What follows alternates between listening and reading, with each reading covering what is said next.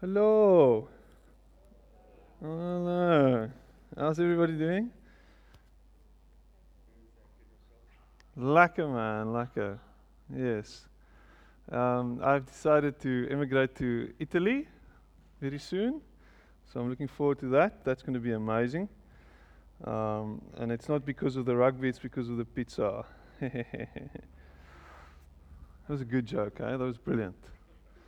That, that'll set the tone for the rest of the evening. That, that was brilliant. That was like one of my best opening lines ever. Yes, there we go. So I'm re- really looking forward to, to tonight. Um, and, and at the same time, looking forward in advance to next week, Sunday night. That's going to be brilliant. We're going to do what we're doing here outside, under the open sky, in front of an open flame. Um, we're going to carry out all the fire extinguishers, so don't worry, we'll, we won't burn the place down. But it's going to be spectacular. We, we're looking forward to, to the new year as well. We're going to do these sort of experiential or experimental outside sort of services um, much more regularly. We, we started off with doing something on um, Lion's Head a couple of weeks ago. So um, this is our next outside experience. And then next year we're going to do uh, one um, up on Table Mountain again at a place called Woodstock Cave. And we're going to do um, a beach service where we're going to baptize people next year. So that's going to be brilliant. And I'm really looking forward to that. And um, yeah, so got some nice things planned for, for the future. Lord, thank you that, that we can be called your children and that we can be in a relationship with you. Thank you that we can come with boldness and without hindrance to your throne of glory and grace. Thank you that we can be just we, that we can just be ourselves. We don't have to pretend, um, and and we can can really tonight just be reminded of the fact that that you love us wholeheartedly and without any condition. And Lord, we, we bring all our problems, we bring all our worries, we just lay them at your feet tonight. And thank you that you, you take care of us and that you, that you will never leave us. We're looking forward to this week, Lord. Thank you that you will work through us, you use us as your instruments. Thank you that we can be used by you and we don't have to be ashamed. We don't have to stand back for anything or anyone. Your Spirit empowers us. And we are really, when we are in your hands, we can do anything. And I praise you for that. Thank you, Lord. Amen. So, if you have your Bibles with you, you can turn or page to Luke chapter 23. And we're going to read from verse 33 to verse 40, 43.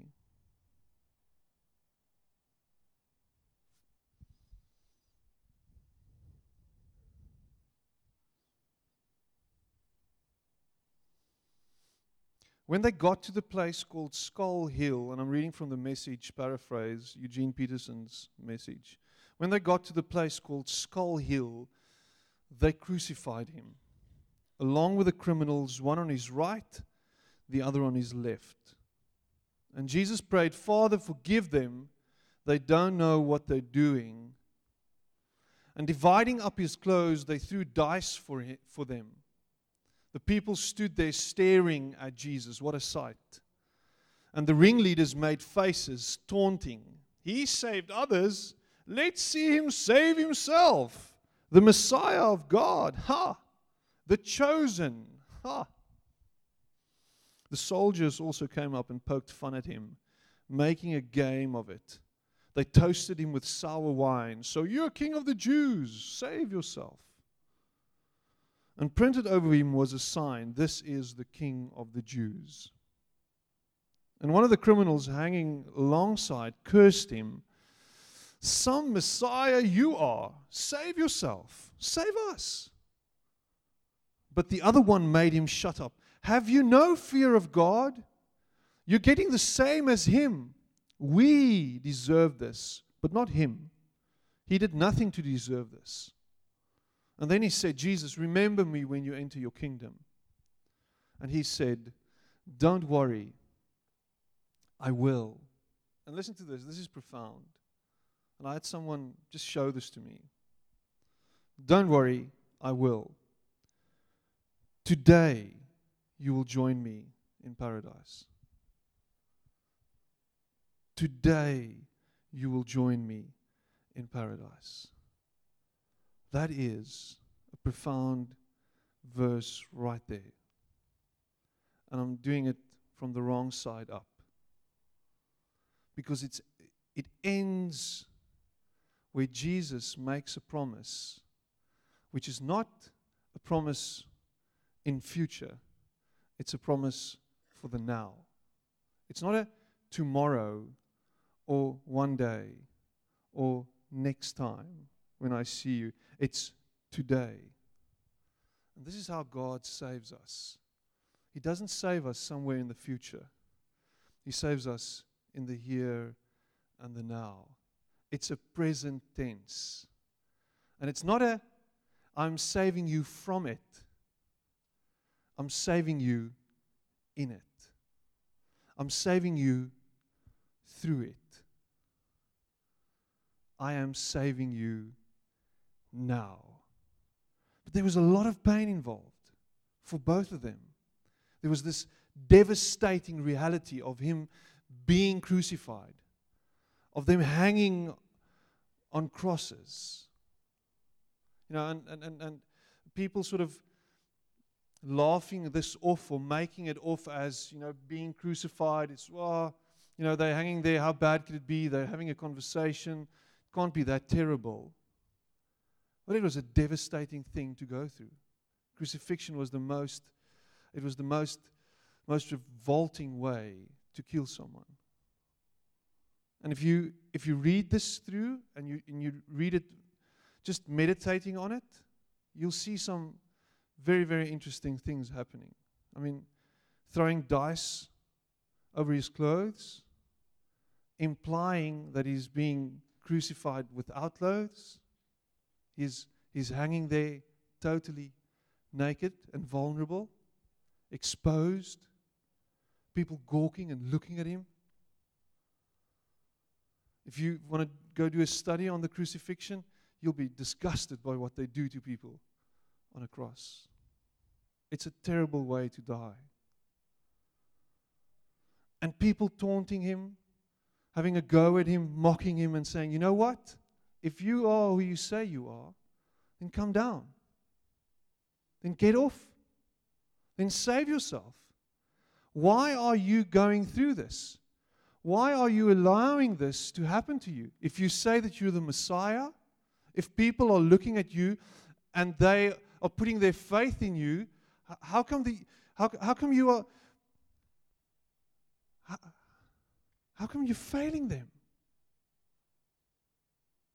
Because from a, from a, from a, from a perspective as, you know, as normal people, we're looking at this and, we, and from a worldly perspective, we're looking at this and saying, this is failure. You know, how, how is this being kingly?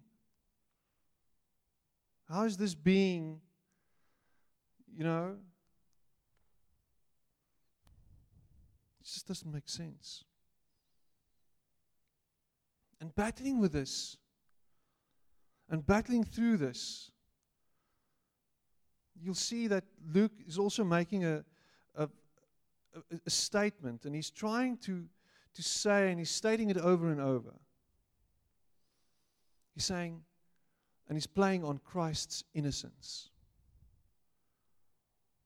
You know, the, the thief on his side, by his side, on his, on his one side, is saying, This man is innocent. He's not saying he is the Son of God. He's not, he's not as the other gospel writers, saying that this is the Son of God. He's saying this man is innocent. He's playing on his innocence. And with that, he's saying something. And he's making a declaration about Jesus being for the powerless, for the victims, for the people who are unjustly killed, mocked, broken. I mean, look at you. Look at, look at, look at the world around us. See people being, um, you know, I'm, I'm really struggling with my English tonight. Forgive me for that. Just be, people being persecuted, people, people being killed for what they believe in. It doesn't matter what's, what, what faith they are. Just people being persecuted for believing. People growing up in poverty, extreme poverty. People being born into that system. People being born without any hope. Now imagine you, you're born somewhere in, in, in South Sudan, the, the, most, the most dangerous country in the world. Just being born there, as opposed to being born in America or somewhere else, in the land of the free. What hope is there for you? And what Jesus is doing is making a statement that he identifies with the powerless. He identifies with those without any hope. He identifies as an innocent man with those who have no hope whatsoever. There is no hope, yet Christ is our hope. There is no hope, yet Christ identifies with our hopelessness. And he comes broken and stripped of his dignity and vulnerable, exposed. And he becomes the one that we look up to and say, you know what? There is hope for me yet. Because today I will be with him in his kingdom. The kingdom of God is near, it's not far, it's not some way, way off. It's here by His presence, through His Spirit. We are in His kingdom, we are part of His kingdom, and we can live out our lives in His kingdom. But now the thing is, and I love saying this, the thing is, you know, the thing is, you know what the thing is? The thing is, just a few days before his crucifixion, people were applauding him, they were shouting, Hosanna, they were waving palm trees, palm leaves. They were, they were adoring him. Here comes the king. The king made a grand entrance into Jerusalem. The only problem with this entrance that he made into Jerusalem was it was a sort of a funny entrance he made. You remember why it was a funny entrance? He entered. How did he enter? He entered on a donkey. Ta da! Like Shrek and the donkey. Donkey. What is this? A donkey? The, the, the, the sort of the, a lowly animal? This the servant animal? It's not a it's not a Roman triumphant return on the back of a of a steed, you know, a, an amazing horse riding in and galloping through the streets of Jerusalem. Here comes the king riding on the back of a donkey. Here comes the king entering the world while his mother rides on the back of a donkey. And you get this theme of this king does things sort of upside down. There's, there's, what is up with this? This doesn't make sense. So look at him Hmm, maybe he couldn't get a horse, but at least he's coming to Jerusalem. He's coming to set us free. He's coming to, to, to, to break the, all the yokes. He's coming to set us free from Roman occupation. He is the King of the Jews. He's bringing us freedom. Here comes Braveheart. And Jesus comes in, and gradually the whole week they sort of see this is a strange, what is happening here? This guy is not doing what we expected of him. This is, this is sort of, this is going in the wrong direction. We're backing the wrong guy here. People, this is not the guy. This is not the one. We thought he was, but he's not. You know, our, our, our human nature is always to side with the powerful. We want to be close to one who has the power. We want to be close to the guy who can sort of who gives us hope in the sense that he'll he'll overcome. He'll he'll beat you up. You want to be with a big guy. You want to be with a guy who sort of is intimidating. You know, I'll, I'll, I'll side with a guy when I go to, and I, I've never been, but I'm sure if I go to one of the darkest bars in Cape Town, I want to go with the biggest guy with the biggest and the baddest tattoos and the longest hair and the biggest earrings and I want to go with the biggest muscles. I want to go with that guy because I'm sure he'll he'll protect me. That's the, that's the sort of guy. Even though he has dodgy morals, I'll be with him because at, at least he'll he'll sort of he'll guide me through the things. Now, I won't go with a timid little airy fairy sort of man fairy. You don't want to go with that. You want to go with a guy, the big one. The Hell's angel, the guy with the chains hanging from his pocket. You know, that's, that's very interesting because that's what happened in America right now. We sided with a guy who has sort of objectionable, objectionable, objectionable morals. You know? But at least he's bringing power back. He's making America great again. He's bringing us something to look forward to. He's going to he's going to help us beat them up.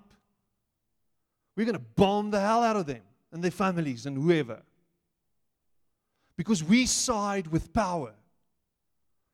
That is who our king is supposed to be like. That's the type of king we want. When Israel chose a king, their first king, who was the king they wanted? Was Saul. Who was Saul? The biggest bloke in the whole of Israel. He was five and a half feet tall because Jews are short. So he was the tallest guy in the whole of Israel. That was sort of all over your head, eh? I think it was very funny.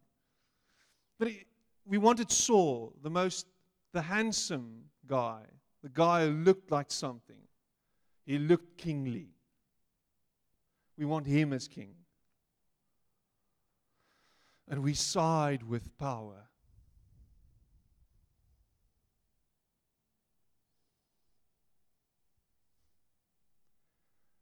And here comes Jesus. Ta da! Here I am. I'm bringing you something else. Look where this power hunger of you brought you. Look where you've ended up. Look where you are because of this. I'll bring you an alternative. I'll show you how to live your life.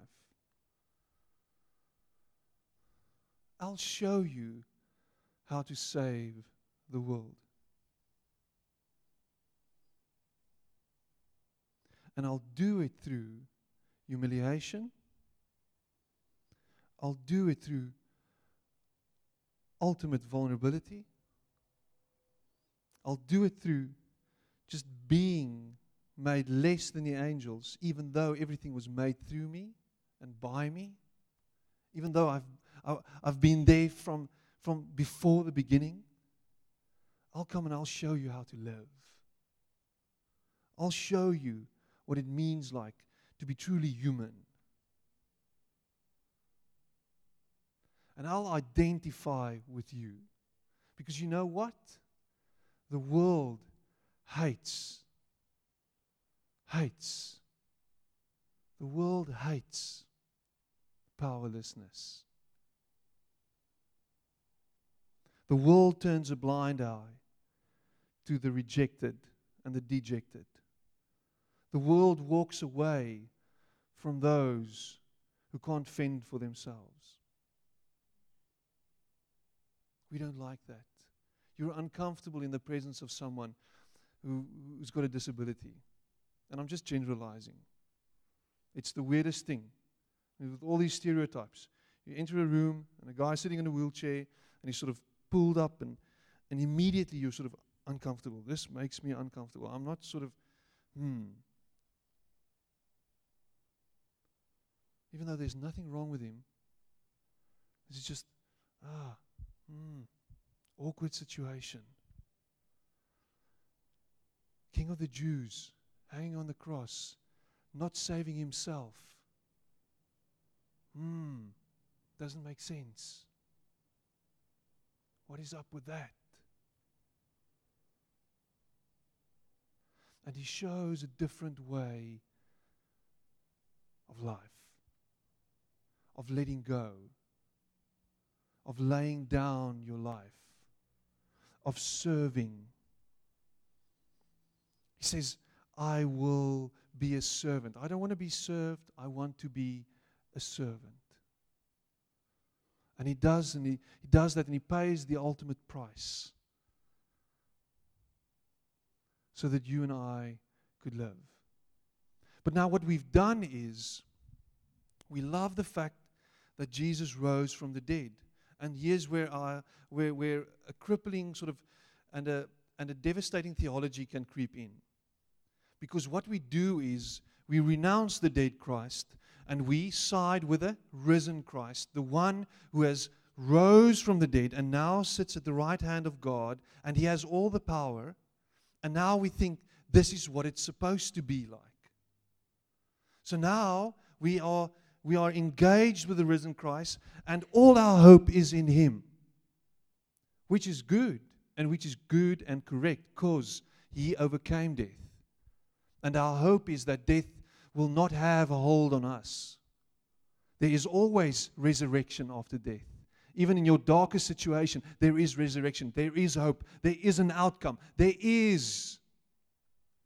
But what we do is we distort this reality.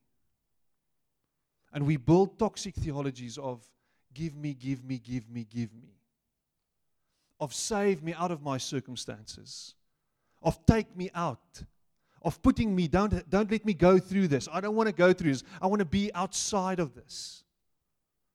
I don't want to endure this pain anymore. Take this pain away from me. I want to be delivered. And what we do is we are in denial about our situations. We are in, in denial about our pain. We sort of deny that and say, that's not how it's supposed to be and you become resentful of God and you become distorted in your view of God because He's not saving you out of your pain, what is happening here? And you turn your back on God because, look at me. You know, I've got a friend. I've got a friend. He tells me this brilliant story. He had a he had a, a black friend as a black pastor friend. He's a, he's a white guy, and he's got this pastor this pastor friend who died passed away, and they his service was in the Eastern Cape, and they asked him to come and officiate at this funeral. And when he got there, he drove down from Johannesburg with his Golf. His Golf 1, not Golf 7. And he came there and he officiated the ceremony uh, at the, at the, at the service, and then they went to the graveyard to do the burial ceremony. And on his way to the graveyard, he, he drove over a speed hump and his bumper fell off. And now he's next to the road and he's trying to put the bumper back on and he's got cable ties and he's sort of tying it up and going through this whole motion of trying to fix his car. And, and behind him stops a pastor with a, a beautiful suit on in his Mercedes. And he gets out and he walks to him because there were lots of other pastors as well. And he says, You know what? This car of yours, this car of yours is not a good testimony for a pastor. This is not a proper vehicle for a pastor. You are detracting, and this is, these are his words you are detracting from the gospel. Because the gospel, apparently, is supposed to give you money and to make you shine and to make you rise. And he turned to him and he said, You know what? Are we even reading the same Bible?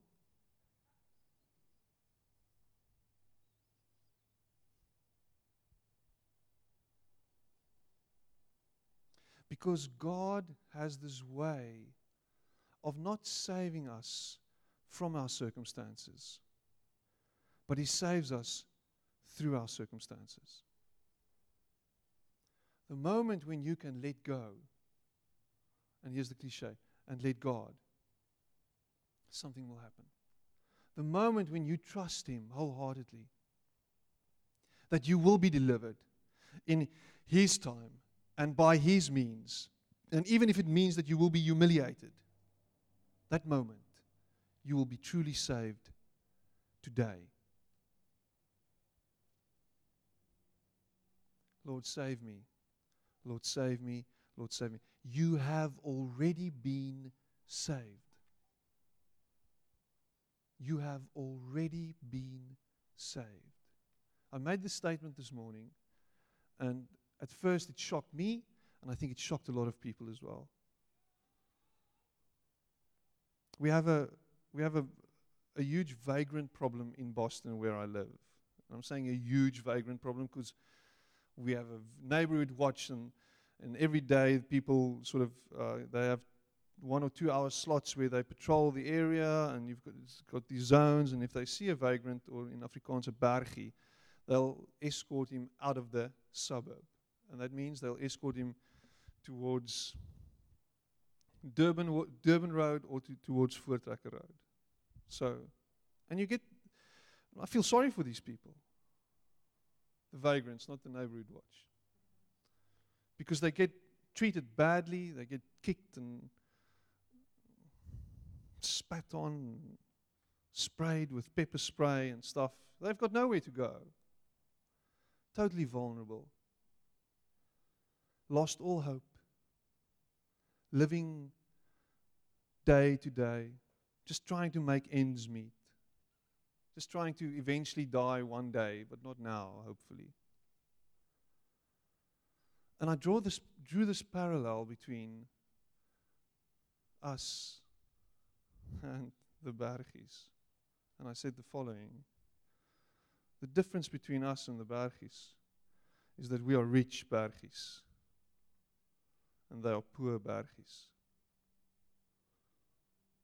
Our hope we have placed our hope in our things, in our possessions, in our struggle to survive, in the economy around us. We have placed our trust in a Babylonian system that robs us of our freedom, that robs us of our hope, that robs us of our happiness. It robs us of our humanity. But we are clinging to that system. And we're saying, as long as I have money in the bank, at least I can sort of make it through the day. But without that, so God, please, and just think about it. What do you pray for most of the time? Help me make it through this month. Help me make it through the till the end of the year. Hopefully, I'll still have a job. Don't want to lose my job because then I'll lose my money. All our security. We're just holding on things, holding on to things, and placing our hope in things. Material things, things we look around. And I find myself as the leader of this church every now and then looking at the things of this world and thinking, maybe that can save us. Maybe that can help us. Imagine Jesus on the cross, hanging there. And we always lo- love saying, you know, he had us on mi- in mind when he was hanging on the cross. Yes, I think so, potentially, maybe. But in his humanity, in his brokenness, he was just praying, God, I want to die. I can't take this anymore. And knowing that will bring his deliverance, will bring his deliverance so that he can rise in glory, was his hope. And once he rose in glory, he showed us that death will not have the last say. So even, even though your situation looks dire, it is not the end. Maybe you ha- you'll have to go through that. Maybe you'll have to lose a lot of stuff and a lot of comfort. Maybe there's a lot of stuff that's going to fall away. Maybe you're going to lie on your face. It's going to be bad. It's going to be tough. But you know what? It's not the end. It is not the end. He'll raise you up. He'll take you by the hand and say, You know what? I've been through that.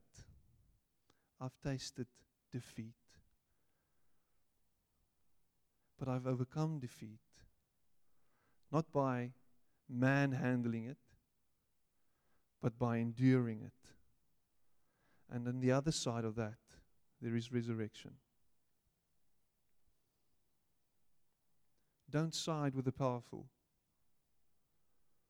Side with the one who knows your vulnerability because he himself was vulnerable. Side with the one who died hanging on a cross, rejected and alone, broken. Side with that one. And even though you are in your situation because of your own doing, like the guy hanging next to him, even though you're there because of your own sc- screwed up nature, whatever it might be, there is hope. And you'll be in his presence today because you've because you've become vulnerable and you've opened up yourself and said, I need your saving grace.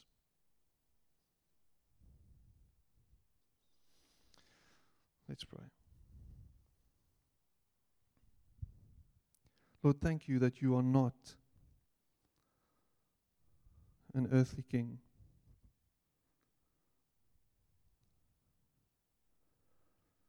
Thank you that you showed us your kingdom and a totally different view of that, of what kingdom means. Thank you that our hope lies in you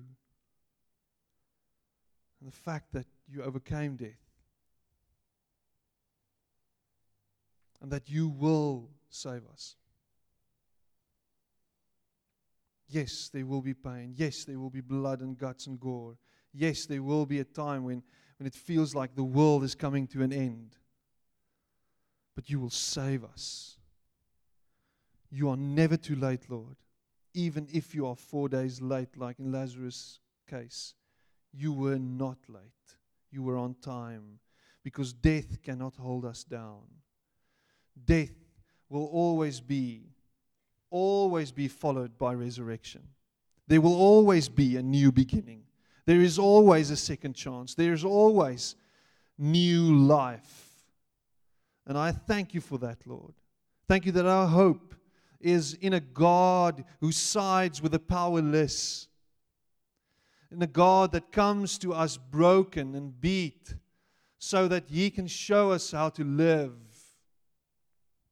Lord, thank you that we are not alone that by your grace and by your Spirit, you are with us and you'll guide us and you'll carry us, Lord. Thank you that we'll, we'll make it to the end.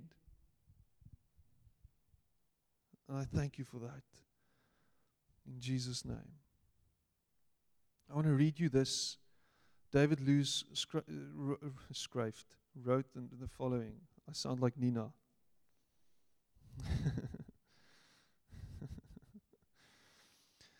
my not my room. She doesn't say room, she says my calmer. Listen to this. What kind of king do you want? What kind of king do you want? Jesus asks. And the answer most gave him, both in the first century and the 21st, is not this one.